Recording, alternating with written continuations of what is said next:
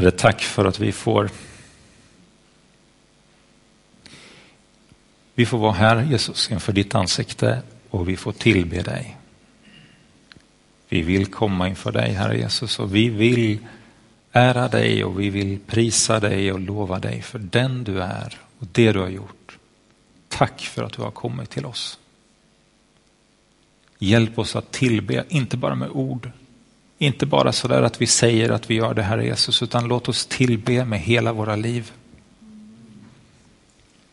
Med vår ekonomi, med våra arbeten, med eh, våra tankar, i våra relationer till andra.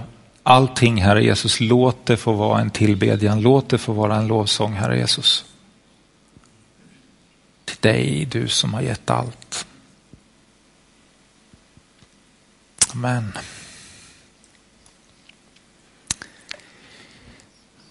Ehm, um, hörni, den här adventstiden så har vi ett, ett tema att din konung kommer. Din konung kommer igen. Um, och första advent den handlar ju om att Jesus kommer till Jerusalem. Han rider in i Jerusalem och så blir han välkomnad där av människorna i, i Jerusalem på lite olika sätt kanske, men, men han blir välkomnad där i alla fall. Och idag så ska vi gå vidare på detta för att det handlar inte bara om att Jesus kommer vid ett tillfälle till Jerusalem, utan det handlar ju också om att Jesus är på väg att komma till oss igen. Hans löfte om att han inte har försvunnit och aldrig kommer tillbaka, utan att han är på väg tillbaka till oss. Och just idag så tänkte jag belysa det här genom, genom en underrubrik, när du får oväntat besök. Och då tror jag det kommer upp ett litet klipp här.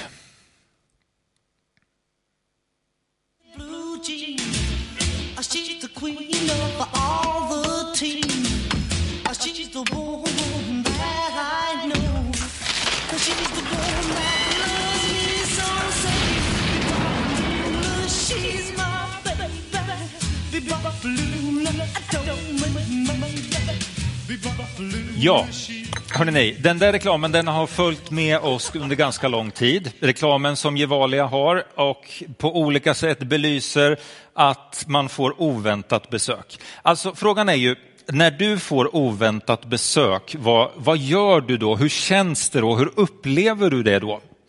Oväntat besök det kan man ju få på många olika sätt. Men handen på hjärtat. Du är där hemma, du håller på och styr med någonting, du är mitt uppe i någonting och så ringer det på klockan. Eller det knackar på dörren. Men det är ju ingen som ska komma idag. Vem är det som kommer nu? Om du känner dig lite stressad så finns det ju en möjlighet att du känner att Nej, det här var inte riktigt rätt tid. Och så börjar du fundera, vilka kan det vara? Ja, kan det vara Eh, Jehovas vittnen kanske? Eller är det barn som säljer jultidningar? Eller, eller är det någon som kommer med det där hemlarmet som för tillfället är det bästa hemlarmet i hela världen och som har ett suveränt pris just idag om jag nappar på detta? Eller vem kan det vara? Eller är det grannen som behöver låna häcktrimmen? Eller vad är det för någonting? Och frågan är, hur reagerar du? Jag tror att man reagerar lite grann beroende på dels vem det är som kommer.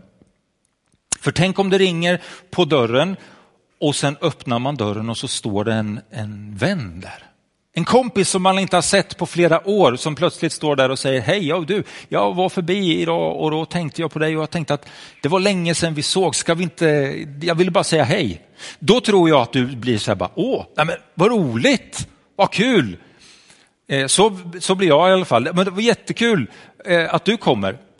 Men om man känner att det är någon som man inte riktigt har tid för eller som kommer med någonting som inkräktar på ens tid. Vad gör man, vad gör man då? Ja, då är ju risken att man känner, nej men inte nu, jag, jag, jag, det, inte nu, det här är ingen bra tid. Liksom. När Jesus kom till Jerusalem, då visste ju alla människor att han var på väg. De hade ju hört det. Han hade ju gått, det är ju en lång vandring upp till Jerusalem. Så folket i Jerusalem, de visste ju det. De visste ju det egentligen flera dagar innan han kom dit, liksom att nu är han på väg. Och därför var ju de förberedda för att ta emot honom när han kom. Men det är ju lite annorlunda med detta när Jesus kommer tillbaka vid andra tillfället. Det som jag ska prata om idag. Därför att Bibeln berättar om att när Jesus kommer nästa gång, då är det ingen som vet stunden och platsen och tiden. På det sättet kan man inte vara förberedd. Man kan inte bocka för i sin kalender och säga den 13 maj 2022, ja då kommer Jesus. Då ska jag vara beredd, då ska jag bakat kaka och, och fixa till det och säga välkommen Jesus, det var trevligt att du tittade förbi. Nej, det är inte riktigt så det fungerar, utan Jesus kommer när han kommer. Och vi kan inte veta stunden och platsen. Det kan ske liksom idag, det kan ju ske innan vi går härifrån idag. Att Jesus kommer tillbaka. Och det kan vara kanske 50 år eller 100 år till eller nästa år. Det är ingen som vet. Eh, vi ska läsa ett eh, stycke från psalm 24. Det här handlar om att Jesus kommer. Portar öppna er vida. Höj er uråldriga dörrar, låt ärans konung draga in. Vem är då ärans konung? Det är Herren, den väldige hjälten, Herren väldig i strid. Portar, öppna er vida, höj er uråldriga dörrar, låt ärans konung dra in. Vem är han, ärans konung? Det är Herren Sebaot, han är ärans konung. Det här är ju en, en eh, text som handlar om att du och jag ska vara förberedda på att Gud är på väg att komma till oss.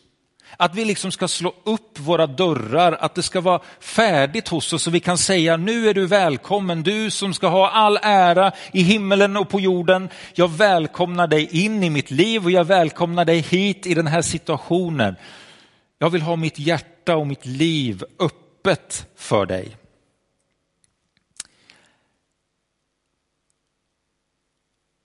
Den andra gången när, när Jesus kommer, eh, vi kan gå tillbaka igen till den där bilden. För se. Den, den andra gången när Jesus kommer, då är det ju inte så att han kommer som ett litet barn. Då kommer han inte som den där barnet som, som inte har någon kraft, inte har någon makt, utan när han kommer nästa gång, då kommer han fullt utav kraft. Då är det ärans konung då är det den väldige hjälten, då är det Herren väldig i strid. Därför att när Jesus kommer nästa gång, då är det för att säga, nu ska det vara stopp på orättvisor. När Jesus kommer nästa gång, då är det för att säga, nu har ondskan haft sin tid och nu tänker jag sätta stopp för detta. När Jesus kommer nästa gång, då är det för att se till att det som är ont, det ska fördrivas. När Jesus kommer nästa gång, då är det för att ge rättvisa till de som inte har fått någon rättvisa. När han kommer nästa gång så är det för att komma med sitt rike fullt ut så att de som tror på honom ska kunna få leva tillsammans med honom för evigt. Då är det för att skapa en framtid som är utan ondska, utan mörker. Och då kommer han liksom inte beskedligt och undrar, får jag komma? Lite försiktigt. Utan då kommer han som Herren Sebaot, härskarornas Gud, som är väldig, som har skapat allting. Som är stor. Och så kommer han och säger han, nu är det nog. Nu är det en ny tid som gäller. Vi går fram. Så här står det nämligen om Jesu andra tillkommelse. Vi ska läsa från första Thessalonikerbrevet. Om tider och stunder, om tider och stunder bröder, behöver vi inte skriva till er. Ni vet själva mycket väl att Herrens dag kommer som en tjuv om natten. När folk säger fred och trygghet, då drabbas de av undergång lika plötsligt som smärtan kommer över en kvinna som ska föda och de slipper inte undan. Det här är ju ganska omskakande ord, eller hur? Vi, alltså Gud är kärlek och Gud är god. Och, och vi vet att han vill oss väl. Men det är också så att Gud är den här allhärskaren, den store väldige hjälten som är värd att frukta. Som är värd att säga okej, okay, du har all makt. I förhållande till honom så är vi små. Och här säger Paulus då till dem i Thessaloniki att ja, men ni vet att, jag behöver inte berätta för er om hur det kommer att gå till. Ni vet att när, när Jesus kommer tillbaka, då kommer det vara som en tjuv om natten. Det är liksom ingen som, som vet om det. Det, är inte, det slås inte på fanfarer och grejer innan så man kan göra sig beredd, utan det kommer och smyger sig på en. Jesus kommer på ett oväntat besök. Den gången. När vi minst anar det så kommer han. Och det här handlar ju inte om att vi ska behöva känna rädsla. Men däremot så handlar det om att vi behöver rikta in våra liv så att vi är redo. Vi kan inte säga och veta exakt vilken dag det handlar om, men däremot kan vi vara beredda i våra liv. Hjärtat och tron kan vara sådana i våra liv att vi alltid är förberedda. Så att vi inte känner det som att när man får oväntat besök och egentligen inte hinner med det och tänker att det vore bättre om det var någon annan dag. Nej, vi kan vara förberedda och känna att åh, det var ett oväntat besök, men vilken glädje, det är Jesus som kommer. Nu händer det. Och det kan vi få genom att vi ber till Herren, genom att vi säger Herre, ta hand om mitt liv idag. Om du kommer idag, då vill jag vara med. Jag vet att du älskar mig, jag vet att du tar hand om mig. Jag vill vara redo. Förlåt mig om jag har gjort någonting som är fel, men jag vill vara redo när du kommer. Jag vill leva för dig. Och du vet, Gud är barmhärtig och god och tar hand om oss och säger välkommen. Och så när han kommer och när han ser dig så kommer han att säga Yes, nu är den där dagen som du har längtat efter. Nu ska du få se på någonting som du inte trodde var möjligt. Det som du har föreställt dig, vet du, det, det är mycket bättre. Du, du, kan inte, du, du vet att du kan inte föreställa dig det, men nu ska du komma med mig för jag ska visa dig någonting. Det är en evighet som väntar på dig och du är mitt älskade barn. Men det handlar om att vara redo, att hjärtat är förberett. Att man inte går omkring och ska behöva känna en oro inför att Jesus ska komma tillbaka. Ibland har det blivit så att människor känner en oro för att Jesus ska komma tillbaka. Vad händer när Jesus kommer? Kommer det innebära att jag får följa med? Har jag gjort rätt? Har jag, har jag rätt med Gud? Är mitt hjärtas inställning till honom på rätt sätt? Ja, men allt som behövs är att säga Herre, här är jag, du ser mig, ta hand om mitt liv. Jag tror på dig. Och då är du med.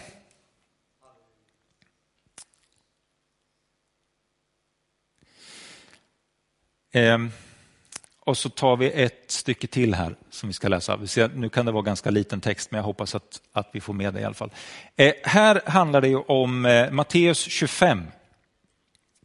Och Jesus berättar den här liknelsen. När Människosonen kommer i, i sin härlighet tillsammans med alla sina änglar, då ska han sätta sig på härlighetens tron. Och alla folk ska samlas inför honom och han ska skilja människorna som herden skiljer så, fåren från getterna. Han ska ställa fåren till höger om sig och getterna till vänster. Sedan ska kungen säga till dem som står till höger, kom ni som har fått min faders välsignelse och överta det rike som har väntat er sedan världens skapelse. Jag var hungrig och ni gav mig att äta, jag var törstig och ni gav mig att dricka, jag var hemlös och ni tog hand om mig, jag var naken och ni gav mig kläder, jag var sjuk och ni såg till mig, jag satt i fängelse och ni besökte mig. Då kommer de rättfärdiga att fråga, Herre, när såg vi dig hungrig och gav dig mat eller törstig och gav dig att dricka? När såg vi dig hemlös och tog hand om dig eller naken och gav dig kläder?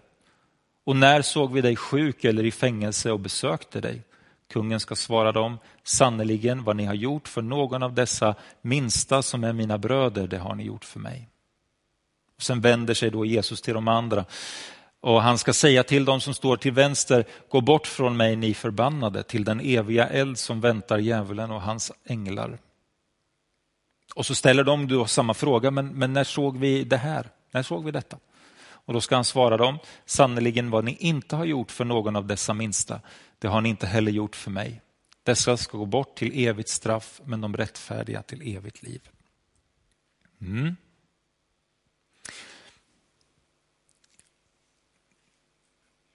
Det här är ju ganska jobbiga texter. Eller? Därför att just här så blir det så otroligt tydligt att, att när vi står inför Gud en dag så finns det två möjligheter. Det finns en möjlighet att, att vi ställs med de här fåren och det finns en möjlighet att man ställs bland getterna. Alltså det finns en möjlighet att vara den som har trott på Jesus och, och försökt följa honom. Och det finns en möjlighet att vi inte har trott på honom och inte brytt oss om vad han har att säga. Och det blir en uppdelning. Det här är, det här är svårt att ta till sig, svårt att, att liksom förstå. Men det vi kan veta det är att Gud är god och han är rättfärdig och han är kärleksfull. Det, det vet vi att han är. Och, och, det vi kan veta det är att om jag har sagt mitt ja till Jesus, om jag tror på honom så säger ju Jesus själv att den som tror på mig han ska leva om han än dör. Så det kan vi vara säkra på att om vi har gett våra liv till honom och sagt vårt ja till Jesus, ja men då får vi vara med och få komma till, till himmelen.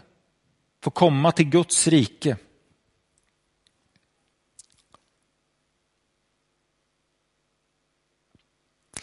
Man får inte glömma bort att Gud är rättvis.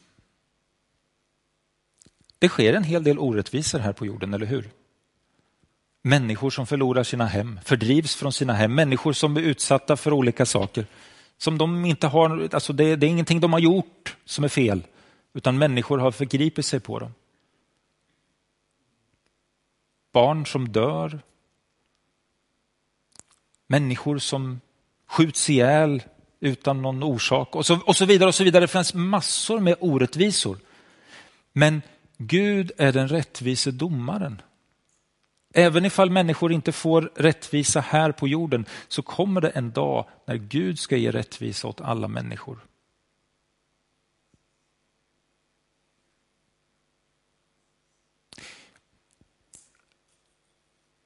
Det finns rättvisa, men det finns också nåd. Alla människor kan få nåd. Alla människor kan få bli frikända. Men då handlar det om att tro på Herren Jesus Kristus. Jag vill bara ge en liten, en liten eh, beskrivning utifrån, vi har ju en alfakurs som är på gång som är jätteroligt att få vara med på. Och så tittar vi ju på, på eh, föreläsningarna på filmer där och då var det en så fin beskrivning där tyckte jag utav, utav eh, vi ska ha en bok.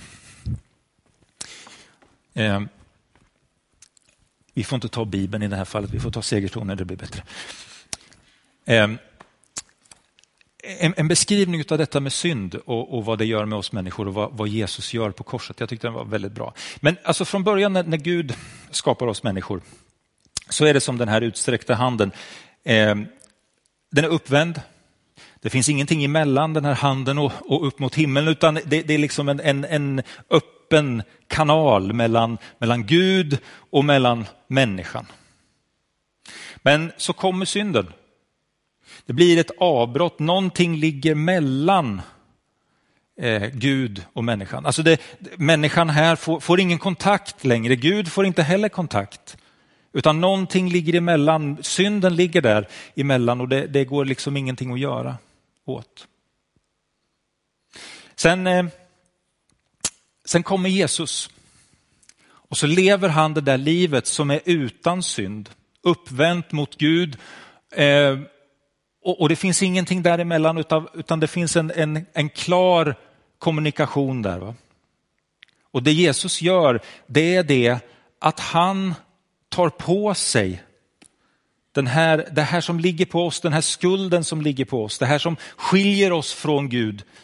Det tar han liksom på sig istället och ligger där. Och vad händer då med den här handen som förut var tyngd utav synd och som det förut inte fanns någon möjlighet att få kontakt med Gud. Vad händer då när, när Jesus har kommit och när han har lyft av den här synden och tagit den på sig?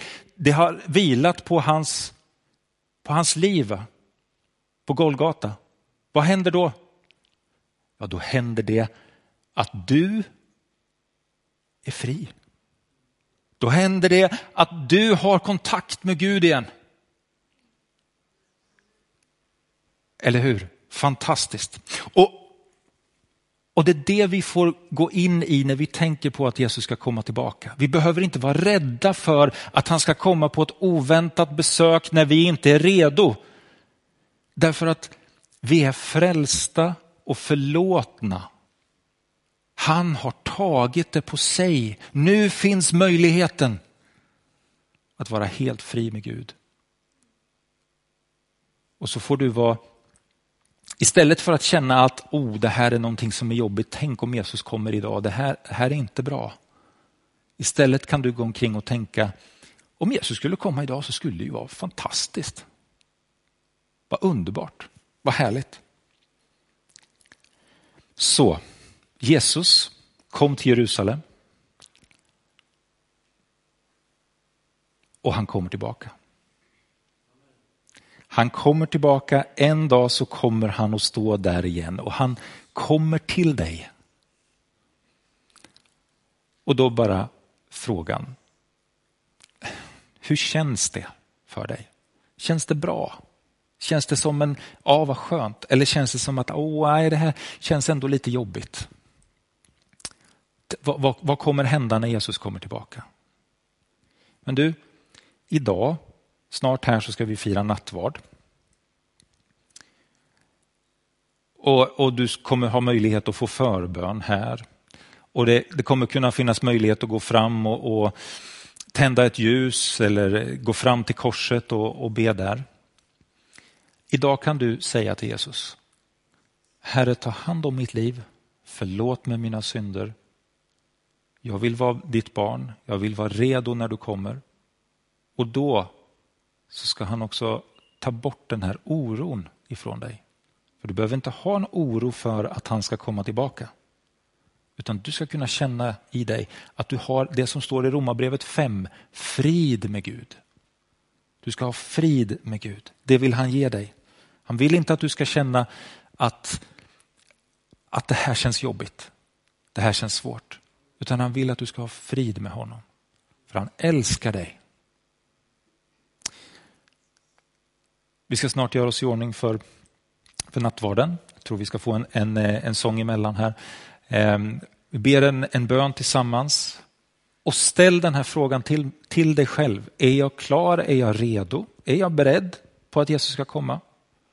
Och känner du att det inte riktigt är så, ja, men idag har du möjligheten att säga Jesus, här är jag, ta hand om mig.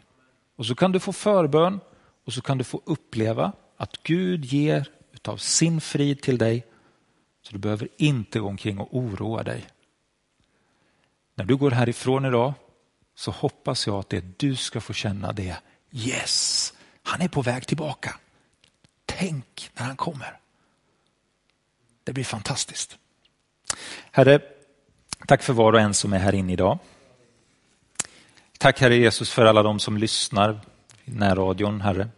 Alla som är med på den här gudstjänsten på ett eller annat sätt. Jesus, jag ber om att vi ska få vara redo den dagen när du kommer. Och idag i eftermiddag här så vill vi göra oss redo när du kommer, Herre Jesus, inför det att du ska komma. Far i himlen, vi lägger våra liv i dina händer. Igen. Vi har gjort det många gånger förut och vi lägger våra liv i dina händer igen. Ta hand om oss. Led oss. Herre, ta bort oro. Ta bort eh, eh allt det där som vill, vill tala om att, att, att vi inte har kontakt med dig, Herre Jesus. Och kom med din frid över oss, Jesus Kristus. Jag ber om det. Och för den som kanske aldrig har tagit det steget så ber jag att de ska få kraft och mod och tro att gå det steget, Herre. I Jesu namn. Amen.